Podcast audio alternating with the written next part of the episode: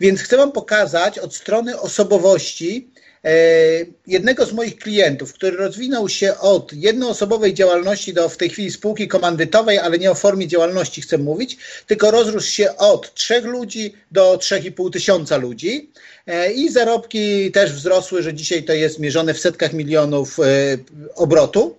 E, I oczywiście zdaję sobie sprawę, że ja robię duże uproszczenie i jakby to mi wybaczcie, no, za dużo aspektów e, nie da się w pół godziny, tak, całego, całego budowy biznesu wam nie opowiem, ale chcę pokazać coś, co było istotne, ponieważ miałem ten przywilej, dalej mam, ponieważ e, dalej jestem takim zewnętrznym konsultantem dla tej firmy, pokazać jak to się przez lata rozwijało. Tak? I jak tutaj pokażę pod kątem czterech kluczowych osób, bez których ta firma nigdy by się nie rozwinęła. A więc pierwsza osobowość, tak, to jest taka osobowość dyrektywna. To jest osobowość szybka, nastawiona na cel. I teraz to jest założyciel tej firmy. E, I, oczywiście imiona tutaj są fikcyjne, ale czyli nazwijmy go dyrektywnym Darkiem, tak? DD, dyrektywny Darek. Więc dyrektywny Darek e, pracował na etacie e, w pewnej firmie. I kiedy zobaczył, jak ta firma funkcjonuje od środka, wszystko, co się dzieje, ile on zarabia, ile zarabia jego szef, to oczywiście nie wiedział, ile zarabia jego szef. Ale wiecie, widział, jakim samochodem jeździ szef, a widział, że on dojeżdża metrem. Więc Gul mu skakał i mówi, jak taki człowiek zrobił, to i ja zrobię. To jest właśnie ten dyrektywny, tak? Bardzo często, nie zawsze, tak? Ale często, yy, może bardzo często nie, często przedsiębiorcy są bardzo tacy dyrektywni, czyli są szybcy, nastawioni na cel. I Darek postanowił, założę własną firmę. Nie dokładnie w tej samej branży, ale w podobnej branży, e, ponieważ zobaczył pewną niszę, którą, kiedy pracował w tej firmie, odszedł do tej innej firmy o branżach, nie będę dużo mówił, ale zaczął swój biznes. Zaczął, zgromadził trzech ludzi na początek e, i zaczęli firmę. Firma zaczęła się rozrastać, dlatego że dyrektywny Darek był bardzo pracowity. Bo to jest jedna z cech ludzi dyrektywnych. Ludzie dyrektywnie, jeżeli masz osobowość dyrektywną, tak, czyli taką choleryczną, to wtedy ty nie czujesz zmęczenia. Nie mówię, że nie jesteś zmęczony, ale ja jestem dyrektywną osobą, więc jestem tutaj w Koszalinie, tak? Dzisiaj prowadziłem od 11 do 14 e, warsztat, e, później pojechaliśmy na obiad, wróciliśmy z obiadu i teraz prowadzę kolejną rzecz, ponieważ osoby dyrektywne mają dużo energii i ten duży rozmiar energii sprawia, że bardzo dużo mogą zrobić. Natomiast w tym dużym rozmiarze energii, to był problem też te, tego dyrektywnego Darka, on nie widział potrzeb innych ludzi na początek. No wiadomo, miał tych trzech pracowników, no wszystkiego sam nie zrobi.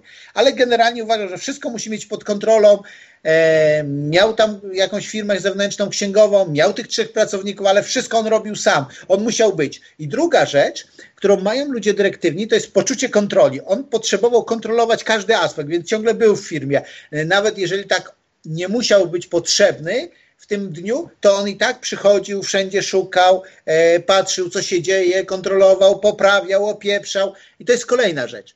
E, ludzie dyrektywni tak bardzo są nastawieni na cel, że generalnie nie chwalą, bo uważają, że jak ktoś ma rezultaty, firma ma rezultaty, ktoś został po coś zatrudniony, a jednocześnie wykonuje to, po co został zatrudniony, to nagrodą samą w sobie jest to, że po prostu robi pewne rzeczy, no i ma efekty, to powinno być nagrodą. Natomiast osobowość dyrektywna bardzo szybko reaguje, kiedy coś nie idzie dobrze, opieprzy, w skrajnych sytuacjach zwolni, tak? Więc w ten sposób działa. E, I ten e, dyrektywny Darek dosyć dynamicznie tą firmę rozwijał. Co to oznaczało w praktyce? W praktyce to oznaczało, że jak zaczęli w te trzy osoby, to po paru miesiącach bardzo intensywnej pracy dalej mieli praktycznie to samo, co mieli kiedyś. Natomiast Darek się nie zrażał, był w wielu miejscach, szukał, rozmawiał z wieloma ludźmi i spotkał jedną z kluczowych osób. Interaktywnego Irka. Tak? Osoby interaktywne to jest taki typ południowca Włocha, który też jest szybki, dynamiczny, ale nastawiony na ludzi. O ile Darek widział cel, cel, cel, cel i zajeżdżał ludzi, żeby ten cel osiągnąć, to interaktywny Irek mówi: Darek, to jest super, świetna firma, niesamowita, podoba mi się, bo właśnie to robią ludzie interaktywni. Chwalą, doceniają, potrafią tak zagrzać słowami, że ludzie dadzą z siebie nie 100, a 200%. Osoby interaktywne tworzą świetną atmosferę. Taką potrafią nakręcić ludzi, rozkręcić firmę. Natomiast e, dosyć szybko e, ten interaktywny Irek mówi, Darek, my nie potrzebujemy tutaj nakręcać ludzi bardziej My potrzebujemy znaleźć kogoś, kto da nam duży kontrakt. Bo my wszystko to mamy, co mamy, to mamy drobnice. A Darek mówi, no musimy budować drobne, drobne, drobne, drobne rzeczy, zdobywać coraz więcej klientów i klienci będą naufać i to jest taki organiczny wzrost. I to by było, gdyby Darek robił to sam. To jest, jest prawda, że nasza słabość kryje się w cieniu naszej siły. Ludzie bardzo dyrektywni często nie widzą potrzeby takich sojuszów czy partnerów strategicznych, ponieważ uważają, że wszystko muszą zrobić sami. Z kolei interaktywny Irek on nie za bardzo lubił pracować w takim znaczeniu, jak pracował Darek, ale uwielbiał kontakty z ludźmi. Więc co, co wymyślił Irek? Że on będzie jeździł i zdobywał kontrakty. I, I tutaj doszło do pierwszego zgrzytu. Tak? Obaj ludzie są, zobacz, jeden jest szybki, nastawiony na cel, a drugi jest szybki, nastawiony na ludzi. Więc ta szybkość działania ich połączyła na początku, im się podobała, ale później ich drogi zaczęły się rozchodzić, bo Darek mówi, musimy bardziej cisnąć ludzi, a Irek mówi, nie, z ludzi więcej już nie wyciśniemy. Musimy znaleźć kogoś, kto da nam większy kontrakt. I kiedy już byli bliscy rozstania, Darek zaproponował temu Irkowi coś takiego. Dobra, jeżeli znajdziesz kon, e, dużego kontrahenta, dostaniesz procent, dopóki ten kontrahent będzie i wejdziesz jeszcze do, do spółki, tak? Zrobimy spółkę, będziesz moim wspólnikiem. I interaktywny Irek poprzez swoje kontakty, mnóstwo kontaktów, odzwaniał ludzi, pisał. Wiecie, to jest taki człowiek, który nie boi się kontaktować, który pyta wprost, który działa. Spotkał człowieka, który mówi, a ja tam kogoś znam, polecił i dostali bardzo duży kontrakt. Kontrakt, który sprawił, że z trzech osób musieli przejść błyskawicznie w 300 osób, a potem w ciągu roku do 3000 osób. Czyli tyle osób musieli pozatrudniać, bo tak wzrosły y, ich, ich usługi, które świadczyli. Więc tych dwóch ludzi bardzo dynamicznie rozwinęło tą firmę. Natomiast takie połączenie jest fajne na początek i oni są takim, dlatego wybrałem tą firmę, taki modelowy przykład, że jak połączy się osoba dyrektywna, czyli taki choleryk z taką osobą interaktywną, czyli taki sangwinik, południowiec Włoch, to oni obaj będą szybko działać, będą dbać o cel, E, i będą dbać o ludzi i to jest super, tylko że tak można ludzi zajechać. Bo to jest ciągłe tempo, ciągłe nakręcanie się. Ale w tym momencie, kiedy firma już miała te 3000 osób, potrzebne było pewne uspokojenie. Oni chcieli iść do 10 tysięcy osób, ale widzieli, że już tych 3000 ledwie ogarniają. Więc e, ten dyrektywny Darek miał jedna z tych trzech osób, które zatrudnił na początku, to był jego brat solidarny Staszek. To jest taki człowiek wolny, nastawiony na ludzi, czy taki typowy flegmatyk. Tak? Człowiek, któremu nigdzie się nie śpieszy, ale jednocześnie bardzo dba o ludzi i bardzo dba o to, żeby była dobra atmosfera. Kiedy już chwyci, że coś ma zrobić, trudno go zagnać do roboty, ale jak go zagnasz, to on będzie to robił. I co więcej, pamiętam e, ten moment, kiedy Darek ze mną rozmawiał o swoim bracie i mówi tak: Słuchaj, ten mój brat to jest odwrotność mnie. Po prostu ja myślę, że wszystko robię najlepiej.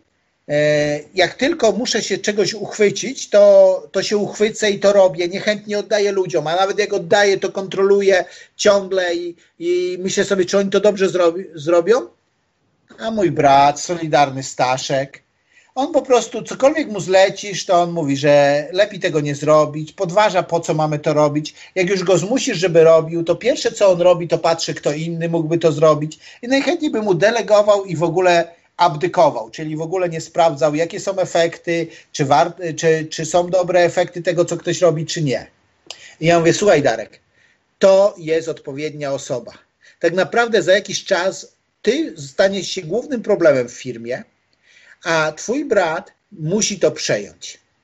Kiedy mu to mówiłem, to on mi się w twarz zaśmiał, mówi, nie znasz mojego brata. Ja mówię, może nie znam twojego brata, może jak poznam twojego brata, to zmienię zdanie o tej osobie, ale na pewno wiem, że potrzebujesz odwrotność siebie do zarządzania firmą. Dzisiaj, w tym momencie, w którym firma jest, ten solidarny Staszek ma takich pięciu pomocników, pięć prawych rąk, tak, jak się nieraz śmieje, y, ponieważ cała firma jest podzielona na pięć działów, i on koordynuje pracę tych ludzi. I o ile, i tym się różnią właśnie, że ten dyrektywny Darek, który zaczynał firmę i był potrzebny na początku, to po prostu mówił ludziom, ty musisz to zrobić, ty musisz to, ty musisz tamto. A to, co robi Solidarny Staszek, wzywa ludzi i mówi, opowiedzcie, co tam słychać, a macie taki problem, a jakie rozwiązanie widzicie, ty nie widzisz rozwiązania, a może ty widzisz rozwiązanie. Rozumiesz różnicę?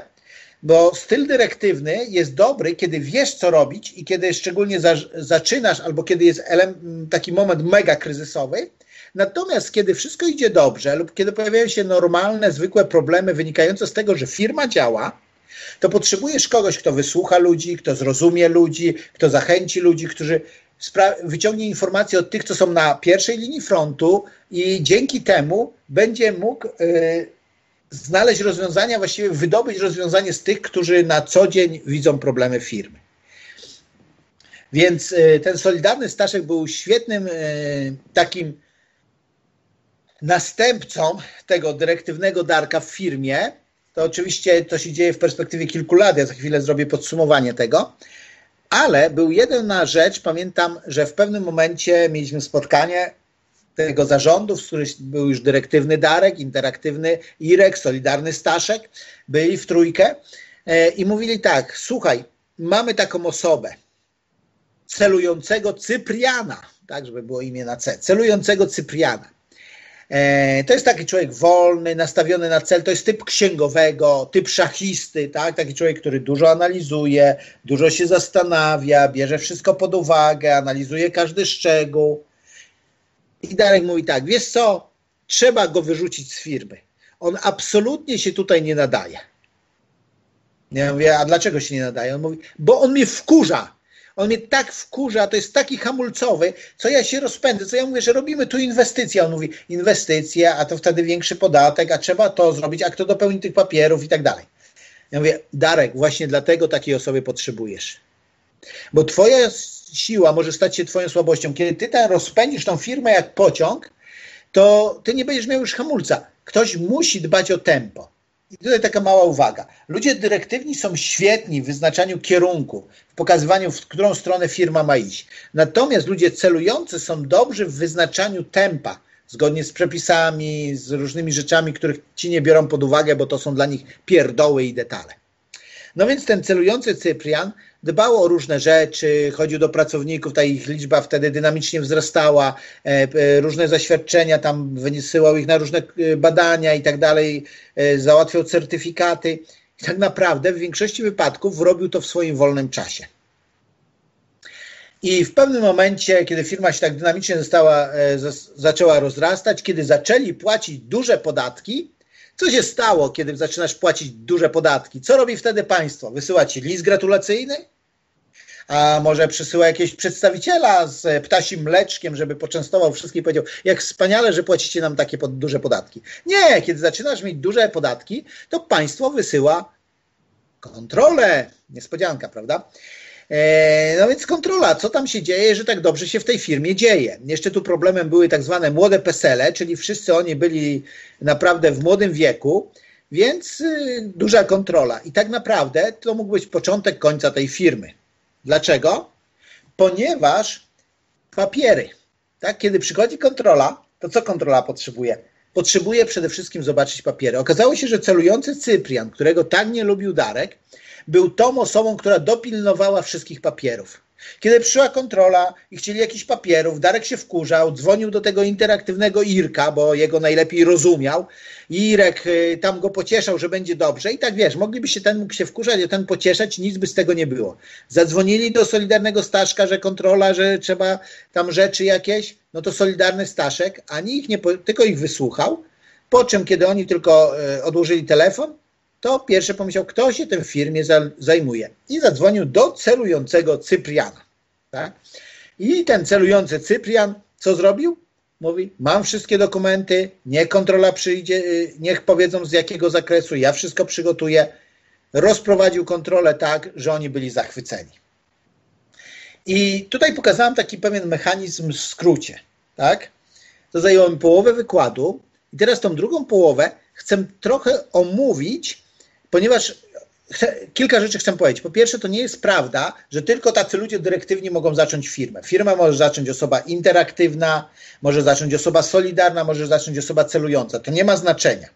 Znaczenie mają te zasady, które tutaj są. Tak naprawdę potrzebujesz e, w tych czterech aspektów, to jest podstawowy model osobowości, który się nazywa dysk, tak? Czyli to, co tak tradycyjnie się nazywa choleryk, flegmatyk, sangwinik i melancholik, Tutaj jest określone innymi nazwami. Co więcej, tutaj dla tych wszystkich, którzy trochę zliznęli osobowości albo którzy mówią, Andrzej, to za proste. Ja rozumiem te wszystkie zastrzeżenia, więc pozwólcie, że tam parę słów do Was też powiem. Oczywiście to jest tak, że w każdym z nas jest osoba i dyrektywna, i interaktywna, solidarna, celująca, mamy te różne proporcje, one się też zmieniają dynamicznie w czasie naszego życia. Co więcej, w jakiejś określonej sytuacji możemy się zachować jak taki sposób, w inny. Jakby to jest oczywiście bardzo złożona rzecz, natomiast Zobacz, teraz, kiedy mówię do ciebie w tej określonej sytuacji, mogę mówić jak osoba dyrektywna, czyli mówić bardzo szybko i chcieć osiągnąć cel, chcesz wtłoczyć w tej pół godziny jak najwięcej wiedzy, albo mogę mówić jako osoba interaktywna, gdzie by było też dużo emocji, ale gdzie by było tyle opisów, barwnych opisów, ty byś widział tą kontrolę, widziałbyś te dwie panie z urzędu skarbowego, które przyszły kontrolować firmę, byś miał opisane wspaniałe emocje, by był dynamizm. Mógłbym mówić jako osoba solidarna, tak wolno, spokojnie, gdzie ty byś się relaksował, gdzie byłoby dużo autoironii, albo mógłbym mówić jako osoba celująca, wszystko mówiłbym na jednym tonie, pokazywałbym krok po kroku, jak to było, wymieniłbym daty, wymieniłbym obroty, wymieniłbym liczbę pracowników. I gdybyś to spisywał, to byś miał taki dokładny research, taki jak w podręcznikach do historii. Zobacz, jedna osoba, a w czterech stylach może mówić. Natomiast ten styl, który prezentuje przez większość czasu, to jest dominujący styl tej osoby. I teraz, jeżeli zaczynasz firmę, jeżeli prowadzisz firmę, jeżeli zarządzasz firmą, to potrzebujesz wiedzieć, jaką osobowość ma osoba, z którą współpracujesz. Powinieneś to wiedzieć z dwóch powodów. Pierwszy powód jest taki, że wiedzieć, jak do niej mówić, inaczej motywujesz osobę dyrektywną. Osobę dyrektywną, kiedy chcesz zmotywować, to mówisz, stary, to jest wyzwanie. Ludzie mówią, że to niemożliwe, ale ja wierzę, że ty dasz radę. I to jest wow osobę interaktywną mówi, słuchaj, jest świetny zespół, ludzie naprawdę cię lubią. Ludzie powiedzieli, jeżeli mamy to z kimś osiągnąć, to tylko z tobą. I ta osoba, wow.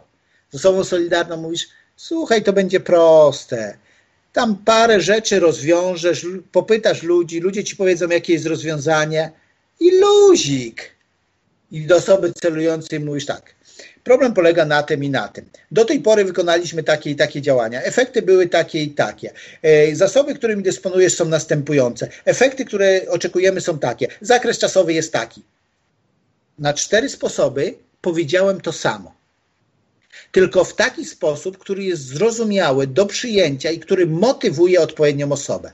Więc rozumiesz, że tutaj robić taki research, tak, czterodniowego szkolenia w pół godziny, ale pierwsza rzecz, jeżeli znasz swoją osobowość i znasz osobowość innych ludzi, to wiesz, w jaki sposób się komunikować. Po drugie, jeżeli budujesz zespół, to musisz odpo odpowiednią osobę w odpowiednim miejscu posadzić. Tak? Inny przykład. Inny z moich klientów, który docierał głównie do małych, średnich, dużych przedsiębiorców, i miał świetnego grupę handlowców, ale jednego świetnego handlowca, osobę interaktywną, która przyjeżdżała, nawiązywała kontakt z właścicielem firm, e, szybko łapali kontakt, na tym kontakcie on pokazywał im produkty, oni kupowali, on dbał o tych klientów, dzwonił do nich, rozumiał, kumplowali się, było super. I tą osobę interaktywną wysłali do korporacji, żeby tam pojechał i w tej korporacji nawiązał kontakty. I on próbował to zrobić właśnie tak na miękko, tak na luzie, z jajem, z dowcipem, i po jednym całym dniu był w dwóch czy trzech korporacjach, wrócił i powiedział: Wyrzućcie mnie, ale więcej tam nie pójdę. Tak, ponieważ oni do korporacji ze swoim produktem potrzebowali osobę celującą. Osobę, która będzie bardzo merytoryczna, która będzie trzymać dystans, która nie będzie okazywać emocji, która będzie cierpliwa, bo będzie wiedziała, że procedury w korporacji trwają o wiele dłużej. Potrzebowali zamienić osobę. I teraz, kiedy dobieramy osoby do stanowiska, to często patrzymy na ich umiejętności, ale powinniśmy też patrzeć na ich osobowość. Bardzo często osoby interaktywne pokażą się bardzo dobrze i super na rozmowie e, o pracę, ale okaże się, że ty potrzebujesz nie osoby interaktywnej do tego zespołu, tylko osoby solidarnej. Ty nie potrzebujesz gwiazdy w tym zespole, która będzie błyszczeć, lecz osoby solidarną, która zmotywuje cały zespół.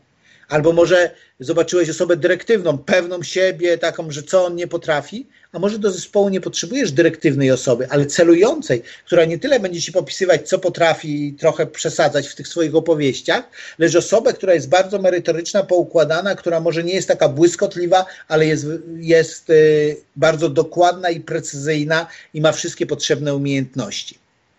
Więc y, kiedy budujesz zespół, to potrzebujesz to wiedzieć. Kolejna rzecz. Jeżeli jesteś przedsiębiorcą, byłeś przedsiębiorcą, pracujesz w zespole, to pamiętaj, mówiłem już to zdanie dwukrotnie i podkreślę je kolejny raz, ponieważ to jest jedna z ważniejszych rzeczy. Twoja słabość kryje się w cieniu Twojej siły. Pamiętasz tego dyrektywnego Darka, który był szybki i nastawiony na cel. I on uważał, że jest tylko jedna droga szybkość jako klucz. Natomiast był ten celujący Cyprian, który też chciał osiągnąć cel, ale w wolny sposób. I ponieważ mieli ten sam cel, a mieli różne sposoby jego osiągania, to Darek chciał wyrzucić tego Cypriana. I zrobił jeden z większych błędów w swoim życiu, dlatego że Cyprian był właśnie dokładnie tą osobą, która mówi: Darek, zwolnij. Darek, potrzebujemy papierów. Nie idź za szybko. Większość błędów rozwijających się firm, bo to pokazałem na początku, ale teraz załóżmy, że jest firma, która się rozwija, że taki był przykład właśnie w tej firmie, o której opowiadam. I pierwszy problem na początku to skąd brać pieniądze, ale kiedy firma się rozwija, kiedy jest ten moment, że masz nadmiar pieniędzy, to myślisz sobie, no i co? I podatek z nich zapłacę, no to będzie duży podatek. E, do czego tych e, pieniędzy użyć? No, do zainwestowania w firmę najlepiej swoją, żeby ją rozwinąć. Tylko, że osoby dyrektywne zbyt szybko wyznaczają tą inwestycję i często nie konsultują z takimi osobami, które są wolniejsze, które chcą osiągnąć ten sam cel, ale w sposób wolny. To nie są ich wcale wrogowie. I tak samo w zarządzaniu ludźmi jest. Osoby interaktywne, takie nastawione, wiecie, typ gwiazdy. Mm, on często myśli, że jedyny sposób, żeby to, to, to po prostu zabłysnąć przed ludźmi, porwać ich swoimi słowami, stworzyć super emocje i porwać je, na dłuższą metę okazuje się, że to osoba solidarna, która wolno będzie budować relacje, temu przyniesie kawę, do tego zagada, e, z tym omówi jakąś kwestię, tego pocieszy, a nad tym machnie ręką, jak ma zły humor, mówi przejdzie mu, że taka osoba ma prawdziwy wpływ na, e, na, na zespół. I teraz tak, jeżeli y, myślisz o biznesie, bo jakby rozumiem, że do takich ludzi mówię, którzy są lub na początku biznesu, lub o nim myślą, to, to kilka moich wskazówek dla ciebie, kończąc już powoli ten wykład, tak? Ja za parę minut y, skończę wykład i wtedy będzie ten czas, kiedy możesz mi postawić pytania. Więc pierwsza rzecz, którą na Twoim miejscu bym zrobił, to poszukałbym, jaką Ty masz osobowość. Kiedy już będziesz się wgłębiał w temat osobowości, a naprawdę jest mnóstwo materiałów darmowych, dobrych materiałów też kursów, y, y, kursów szkoleń też, ale przepraszam, napiję się. Jest też dużo testów, tak, różnego rodzaju. Ja tutaj nic nie będę reklamował, ani polecał, ani sprzedawał, to sobie sam znajdziesz bez problemu w sieci, ale naprawdę jest dużo darmowych materiałów, z których się wiele dowiesz. Natomiast to, co bym na Twoim miejscu zrobił, to po pierwsze określił bardzo dobrze swoją osobowość. Dlaczego? Bo wtedy będziesz. Hmm, jeżeli mamy siedem głównych osobowości, które ma człowiek, tak, to za przedsiębiorczość odpowiada osobowość e, intrapersonalna, nie interpersonalna, międzyludzka, tylko intrapersonalna, czyli sa, której główną cechą jest samoświadomość. Kiedyś to opowiadałem, tak, i to było na MBA-u, na innej uczelni, nie, nie, nie na Zbiro akurat, e, ale tam właśnie wykłady z zarządzania były, więc E, opowiadałem o tym, jeden człowiek mówi, słuchaj, to ja mam takiego wujka. Wujek naprawdę zarabia miliony, chodzi w kaloszach, chodzi tak, że wydaje się, że to taki zwykły człowiek, który gdzieś tam pracuje u kogoś i część pracy wykonuje w swoim tartaku, też fizycznie, ponieważ to lubi. Natomiast ma całą sieć tartaków i wujek od początku wiedział jedną rzecz. Wiedział, w czym jest dobry, a w czym nie jest i szukał ludzi, w czym nie jest dobry i im płacił, żeby to robili, a sam robił tylko to, w czym on był dobry. I to jest właśnie to. Więc pierwsza rzecz, do której Cię zachęcam, e, po tym wykładzie, tak żeby to nie było, że powiedziałam parę słów i ty mówisz, a ciekawie mówił, albo mówi, nic nie zrozumiałem, a o czym on mówił. To nie ma znaczenia, jak mnie będziesz traktował. Ma znaczenie, co zrobisz ze swoim życiem, tak? Dobre hasło, nie ma znaczenia, co robisz ze swoim życiem, więc miej wspaniały dzień. Dobra, ale już poważnie. Więc po pierwsze określ swoją osobowość, swoje silne i słabe strony. I wiesz, to jest tak, że jestem osobowością dyrektywną. I ludzie mi mówili często, Andrzej, jesteś niecierpliwy. Ja mówię, nie, to nie ja jestem niecierpliwy, to inni nie są pracowici. To są lenie śmierdzące. Tak uważałem. No ale jak poleżałam półtorej y, roku w sumie w szpitalu, bo się przepracowałam, miałam przepuklinę, lekarz zrobił operację i tak też pewnie choleryk był dyrektywny i miałam dużo czasu na przemyślenie, to zobaczyłem, okej, okay, to, co ja widziałam jako osoba dyrektora, że to niby, niby są słabe strony, to ja mówiłem, to ja jestem taki pracowity, a nie ty mówisz, że jestem pracocholikiem. Nie, to jest właśnie pracowitość, to ludzie są leniawi. Więc określ swoje na podstawie testu silne i słabe strony. I teraz tak, skup się na swoich silnych stronach, a to, co jest Twoją słabością, czyli jak widzisz, dyrektywny jest szybki i skierowany na cel, czyli przede wszystkim dyrektywny będzie potrzebował solidarnego, czyli wolny, nastawiony na ludzi. I bardzo często jest tak, że firmy, które zaczynają ludzie dyrektywni, to w momencie, kiedy je przekazują innym, e, a sami są właścicielami, a mają kogoś do zarządzania, to ten, który zarządza, jest wolny, nastawiony na ludzi. Lub jeżeli jesteś osobą interaktywną, czyli szybką, nastawioną na ludzi, to przekazujesz potem firmie osobie celującej, wolnej i nastawionej na cel. Tak? To mniej więcej jest to. Druga rzecz. Określ, kogo masz w swoim zespole. Czyli jeżeli masz, zaczynasz firmę i masz jakichś pracowników, albo zaczynasz firmę i masz wspólnika, albo zaczynasz firmę i masz jakiegoś kontrahenta, kogoś, z kim chcesz współ, współdziałać, to mm, współpracować na dłuższą metę, to określ jego osobowość, żeby określić jego silne, słabe strony i żeby wiedzieć, jakim językiem będziesz z nim rozmawiał, bo ten mit pierwszego wrażenia to jest po prostu mit. Dyrektywny, jak się spotkać z interaktywnym, mogą przegadać e, cały dzień, wypić całą butelkę whisky, dogadać, podpisać umowę, płakać i cieszyć się, jakie to miliony zarobią, ale jeżeli nie będą rozumieć, gdzie jest potencjalne zarzewie ich konfliktu, to po pewnym czasie ten konflikt przyjdzie, a oni nie będą rozumieć, co się dzieje i mówi, to był oszust, on co innego prezentował na początku. Nie, nie był oszustem. No, chyba, że był, tak, ale jeżeli nie było oszustem, to nie rozumieliście się tylko z jednego prostego powodu, bo nie rozumieliście swojej osobowości. Więc dobrze określ osobowość ludzi, z którymi masz współpracować. I ostatnia rzecz, zobacz, jakiego typu osobowości ludzi potrzebujesz. Może jakiego typu osobowości ludzi potrzebujesz, może to zabrzmiało górnolotnie, dobra. Czasami ludzie, jak dobierają kogoś do zespołu, nie wiem, czy miałeś takie doświadczenie, może pracowałeś u kogoś i dobrali kogoś do zespołu, świetny fachowiec, i zespół się rozwalił. Dlaczego? Bo ludzi zbyt często dobieramy kompetencyjnie, a nie osobowościowo. Bo może być dwóch ludzi, którzy mają podobną osobowość. Na przykład jest zespół rządzony przez osobę interaktywną i robisz e, casting, chciałem powiedzieć, robisz rekrutację i znajdujesz dwie osoby z umiejętnościami. I ta jedna osoba z umiejętnościami też jest interaktywna. Mhm. Wsadź dwie osoby interaktywne do jednego zespołu takie silnie interaktywne, tak, które od razu widzisz. Dwie gwiazdy, dwa słońca nie mogą świecić na jednym firmamencie. Dojdzie do konfliktu prędzej czy później. Ale jeżeli drugą osobę, na przykład z takimi kompetencjami masz, ale solidarną, super, osoba solidarna będzie świetnym pomocnikiem dla interaktywnego, dla interaktywnej osoby, która jest, e, która jest przywódcą. Nie wiem, czy to jest zrozumiałe. Jeżeli jest zrozumiałe, to cieszę się, że udało mi się przekazać. Jeżeli nie jest to zrozumiałe, to już bardziej zrozumiale tego, tego ci przekazać nie umiem ale mój właśnie tutaj czasomierz pokazał, że minęło równo 30 minut, odkąd zacząłem mówić, więc e, to jest to, co ja chciałem Ci przekazać, że osobowość jest bardzo ważna. Znajomość swojej osobowości, znajomość osobowości współpracowników, znajomość, e, kiedy sprzedajesz osobowości innych ludzi, zależności między osobowościami, współpraca z osobowościami i że w rekrutacji oprócz umiejętności powinniśmy też brać pod uwagę osobowość, osobowość zespołu, osobowość osoby, która wchodzi. Uważam też, że jest jedna, to nie jest najistotniejsza rzecz w biznesie, bo uważam, że w biznesie nie ma jednej najistotniejszej rzeczy. Uważam, że w biznesie jest wiele, wiele równie ważnych rzeczy, tak jak w ludzkim ciele, nie ma jednej ważnej rzeczy. Jest wiele ważnych rzeczy, które musisz zbadać, żeby stwierdzić zdrowie zespołu, yy, ciała, tak samo, żeby stwierdzić zdrowie zespołu lub zdrowie firmy, musi zbadać wiele rzeczy, a ja Wam zwracam uwagę na aspekt zarządzania ludźmi, gdzie osobowość uważam za jedną z najistotniejszych. Normalnie, gdyby to był wykład, to poprosiłbym Wam teraz o brawa, ale tych braw pewnie nie będzie. E, to yy, poproszę Was teraz o pytania.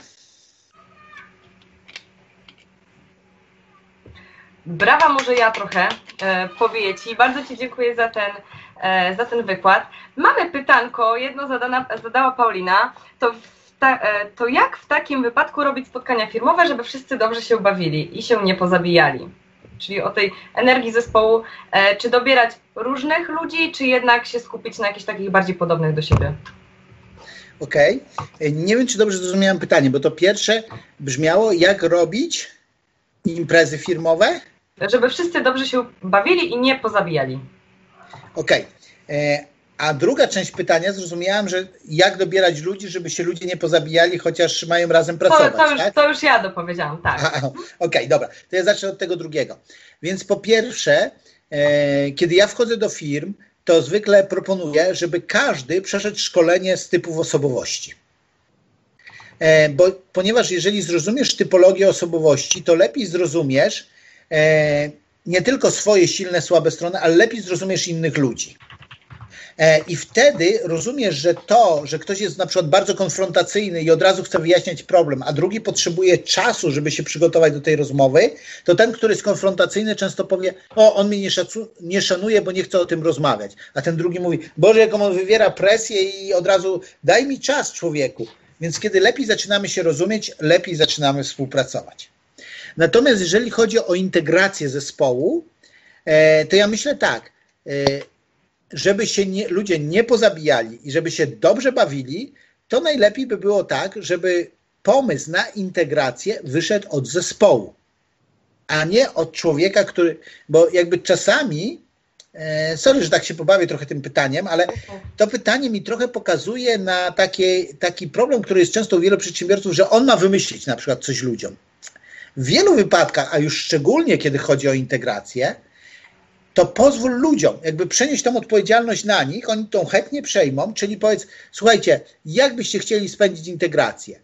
I teraz, jeżeli zespół jest w miarę monolitem, to sam mu powie, a jeżeli nie jest monolitem, to dobrze poprowadzona burza mózgów, kiedy pytasz ludzi, kiedy wypisujecie różne rzeczy, kiedy dyskutujecie i kiedy zespół sam wybiera, kiedy zespół sam wybierze i określi formę, wtedy taka integracja będzie najlepsza, bo jest taka zasada, ludzie angażują się w to, co współtworzą. A to nie jest no, tak, że wtedy się odezwie dyrektywne i interaktywne, a solidarne i celujące mm, nie powiedzą e, i potem będą wiesz, źli albo nie będzie dla nich to pasowało? Dokładnie tak będzie, jeżeli nie będzie zrobiony ten warunek, o którym powiedziałam. Ktoś musi poprowadzić burzę mózgów. A poprowadzić burzę mózgów to nie tylko powiedzieć, no co myślicie? Bo od razu, załóżmy, że są cztery osoby, to dwie, dyrektywny, interaktywny, od razu wstaną i powiedzą, dobra, e, dyrektywny powie, no to spotkajmy się w klubie, a interaktywny pojedźmy na żagle, e, a tamci dwaj będą milczeć, to prawda. Dobrze poprowadzona burza mózgów jest taka, w Aha. którym dopytasz każdego, od każdego usłyszysz, co on chce, i będzie ten czas na wzajemne argumentowanie, rozmawianie, e, dyskutowanie, negocjowanie. Dlatego poprowadzenie, jedną z rzeczy, którą czasami prowadzę w firmach, to jest, jest problem, tak? I to najczęściej jest problem y, nie ten w relacjach, tylko taki problem merytoryczny, tak? E, I ja nie znam się, tak? Najczęściej to są branże, na których się nie znam, e, więc ludzie sami rozwiązują y, te, te problemy na zasadzie, że ja mówię, dobra, na czy, określamy, na czym polega problem. I czasami samo określenie, na czym polega problem, bo każdy go widzi inaczej, zajmuje trochę czasu, zanim cała grupa się zgodzi, że to jest problemem. Kolejna rzecz to jest, każdy ma, e, to, to jak ja to robię, tak, na przykład, e, o tym rozwiązywaniu problemów, to można też przenieść na rozmowy integracyjne. Każdy, każdy ma wypisać przynajmniej trzy pomysły. Każdy. I potem zbieramy kartki, tak?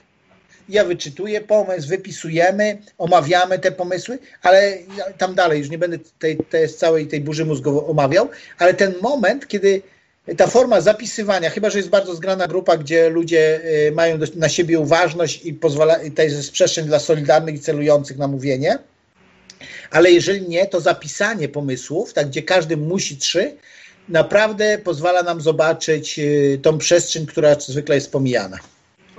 No Paulina tutaj dopowiedziała, że celujący powie, że nie ma budżetu na żagle pewnie. Tak, Solidarny mówi, a gdzie będziemy jechać? I tak? mamy też już kolejne pytanka e, od Pawła za, e, Zarzeckiego. Jak lepiej poznać swoją osobowość, osobowość, jeśli nie ma się za sobą lat doświadczeń? Pewnie tutaj chodzi też o jakie testy zrobić. Mhm.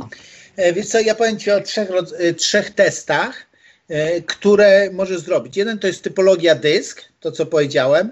Jest pełno tego dysk, e, tam max dysk, extended dysk, PID dysk, niektórzy to nazywają kolorami. Tak naprawdę, wiesz, żeby potem nie było tej kwestii praw autorskich i tam, że naruszamy licencję czyjąś, więc ludzie różnie to ponazywali, a testy są tak samo dobre, więc sobie po prostu zrób jakikolwiek test, e, e, na przykład dysk, e, albo test MBTI, on trochę inaczej tam grupuje, więcej aspektów bierze pod uwagę, lub też test mój ulubiony, tak, do indywidualnej pracy, ty kompas kariery, który bada osobowość, zainteresowanie, umiejętności, wartości. Ale nie chodzi, wiesz, no, no to już powiem wprost, nie chodzi mi o takie testy, że zrobisz sobie taki darmowy na Onecie i odpowiesz na cztery pytania i określicie osobowość. No nie, sorry.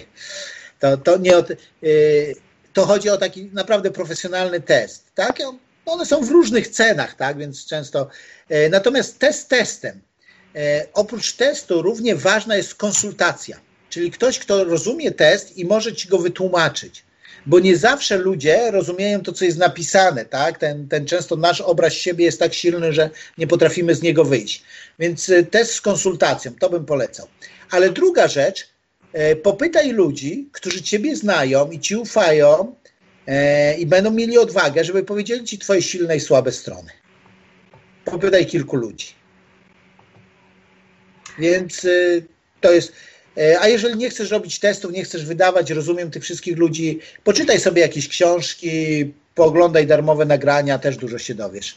I to, że ktoś jest młodą osobą, mm, to jest tak. To, że jesteś młodą osobą, wcale nie oznacza, że nie możesz określić swojej osobowości. Możesz ją określić, a im wcześniej ją określisz, tym lepiej będziesz mógł ją w pełni świadomie ją kształtować. Właśnie ja też miałam takie dodatkowe pytanie. E, zaraz przeczytam jeszcze Bartka, bo również dadał. Mm, czy ta osobowość zmienia się w czasie?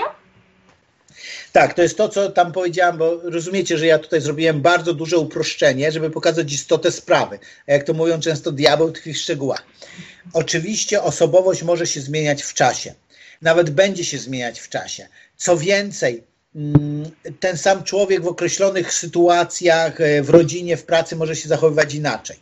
Natomiast podstawowy taki wyróżnik jest taki: zwykle masz pierwszą osobowość, z którą się urodziłeś, a drugą osobowość jest taką, którą nabyłeś. I te dwa są zwykle takimi jak wyścigi rajdowe, że jeden to jest kierowca, to czyli ta osobowość, z którą się urodziłeś, która będzie pędzić, a tu obok jest pilot, który koryguje rzeczy i to jest ta osobowość, którą nabyłeś.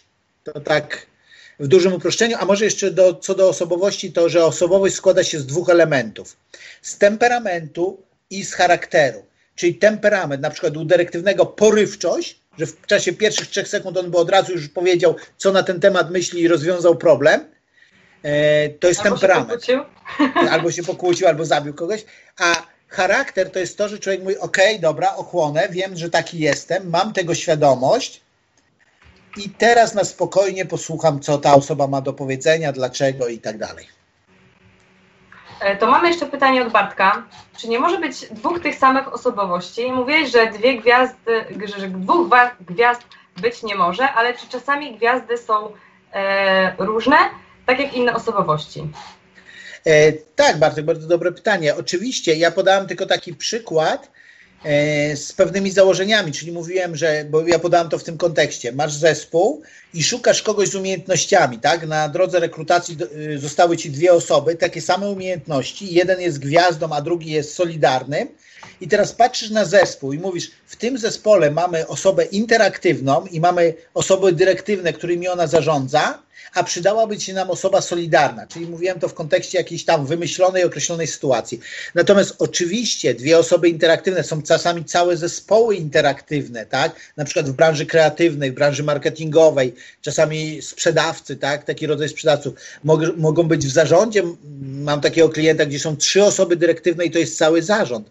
I teraz to, że osoby są trzy dyrektywne, to jest kwestia ich dojrzałości pewnej, żeby się nie pozabijały i nie, nie, nie rozstały, e, ale też kwestia ich dojrzałości, żeby zrozumiały, że potrzebują głosów, że już nie do zarządu, ale takich głosów doradczych, które naprawdę potrzebują wziąć pod uwagę, czyli punkty widzenia osób interaktywnych, solidarnych i celujących. Tak, natomiast e, no jakby ja mówię na dużej dość ogólności, natomiast tak, są zespoły, znam zespoły, które składają się głównie z jednych osób, na przykład e, taki jeden zespół zarządzający firmą, właśnie to, to, to, nie są właściciele, ale to jest ta, ci dyrektorzy zarządzający, to są same osoby dyrektywno-interaktywne, interaktywno-dyrektywne i jest jedna osoba solidarno-celująca, która jest konieczna w tym zespole dla takiego zdrowego balansu. Tak? Mhm.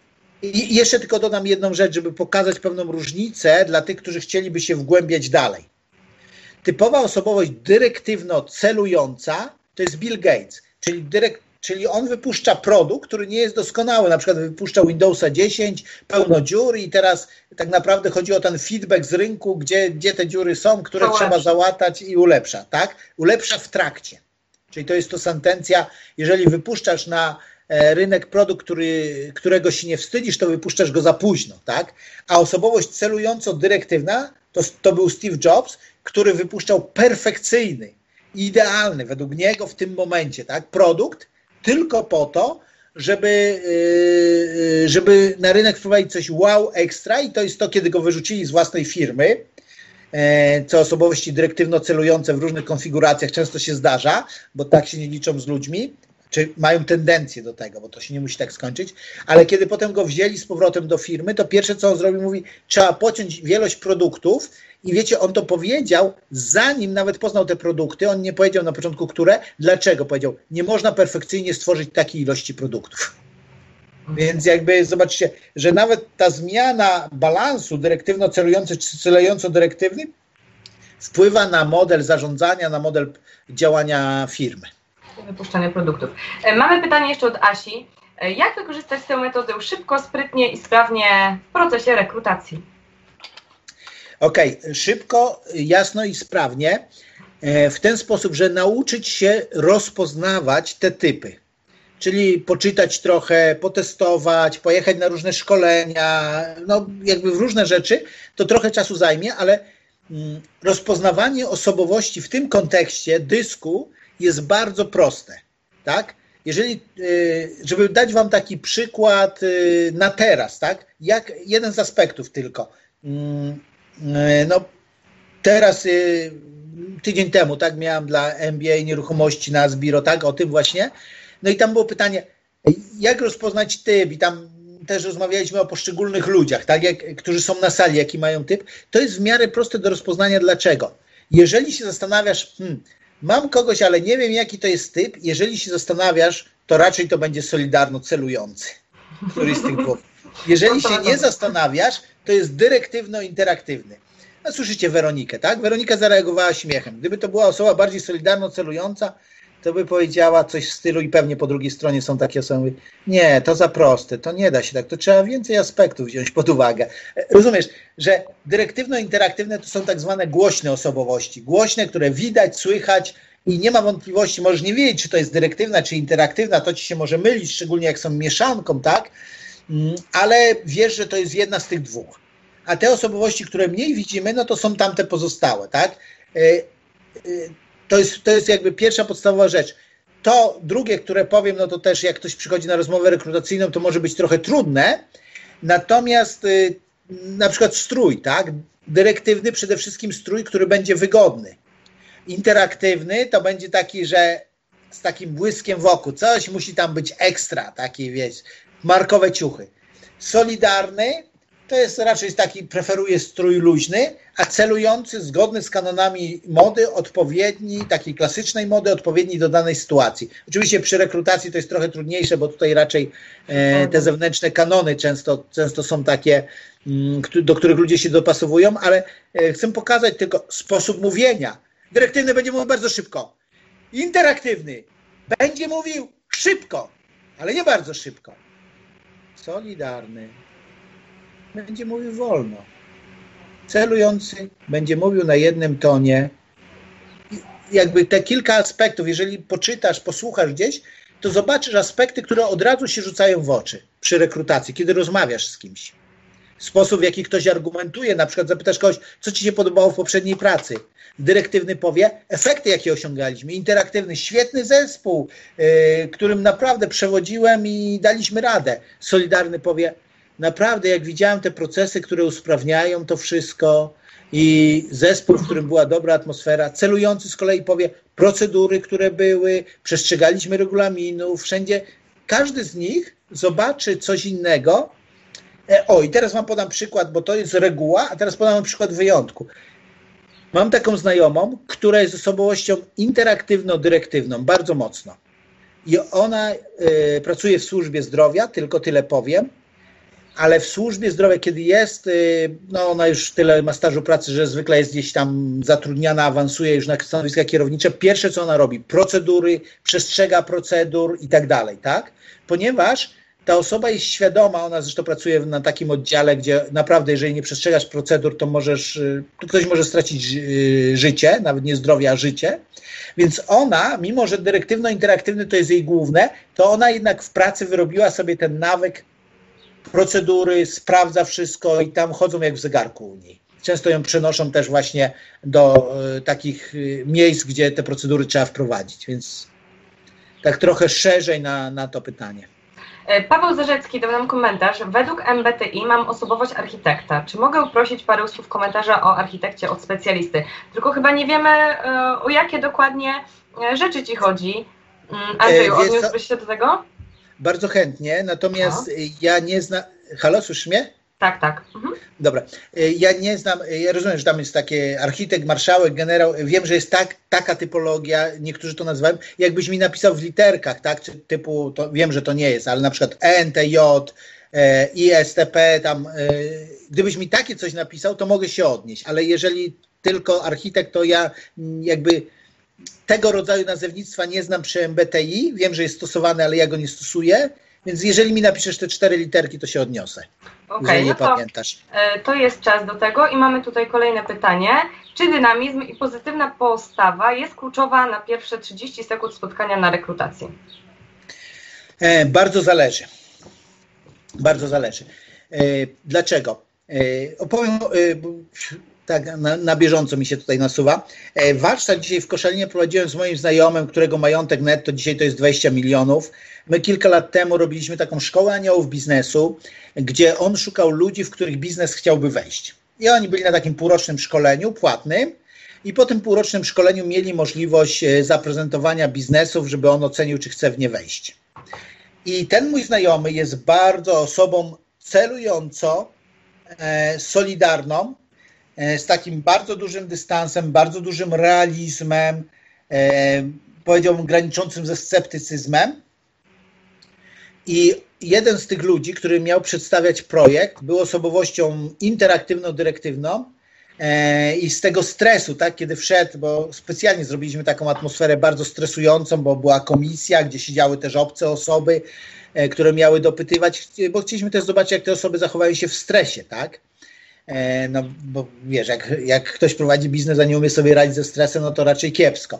Mhm. No i kiedy on podszedł do tego, tak się z nami przywitać, no tam byliśmy na cześć, były te dwie nowe osoby w ekipie, których oni nie znali, ale to było tak specjalnie zrobione, tak? E, więc kiedy on podszedł do tego mojego znajomego, to w tym stresie, a ludzie w stresie szczególnie uwydatniają swoje te e, najbardziej ewidentne cechy, to wziął go, uściskał i rzucił coś w stylu mordeczko, co słychać. I to nie chodzi o to, że on się obraził, ale jak on zobaczył to i, i powiedzmy, że to był przesadny optymizm i taki, więc e, generalnie uważam, że taki mm, zdrowy realizm jest lepszy niż taki, przeczytaj jak to było, pozytywny optymizm, tak? Tak, czy dynamizm i pozytywna postawa jest kluczowa na pierwsze 30 sekund spotkania na rekrutacji? E, no, bardzo ogólne pytanie. Pewnie w niektórych branżach tak, jeżeli masz być nie wiem, takim dynamicznym przedstawicielem handlowym, albo nie wiem, e, e, przychodzisz, żeby jako jeden z kandydatów z mojej branży, na przykład jako mówca motywacyjny na spotkanie firmowe, to raczej tak. Ale w wielu wypadkach powiedziałbym jednak, że zdrowy realizm. Że zdrowy realizm taki, w którym no bo taki pozytywny optymizm to jest typu, gdzie się pan widzi za 5 lat, jako twój szef. tak? Bardzo optymistyczne e, i dynamiczna postawa, duże ambicje, ale niekoniecznie musi się spodobać rekruterowi. Natomiast zdrowy realizm, kiedy mówisz, mam takie silne strony, zdaję sobie sprawę ze słabych stron, wiem co umiem, wiem gdzie mogę się rozwinąć, wydaje mi się, że na, raczej bym stawiał, gdybym szedł w ciemno, postawiłbym na to. Ale no, jeżeli znasz sytuację, no to lepiej się dostosujesz. Okej. Okay. Paweł Zarecki napisał, że to jest INTJ, tylko już nas trochę czas goni. Jakbyś mógł tak, Andrzeja, tylko chwilkę o tym powiedzieć. E, INTJ. E,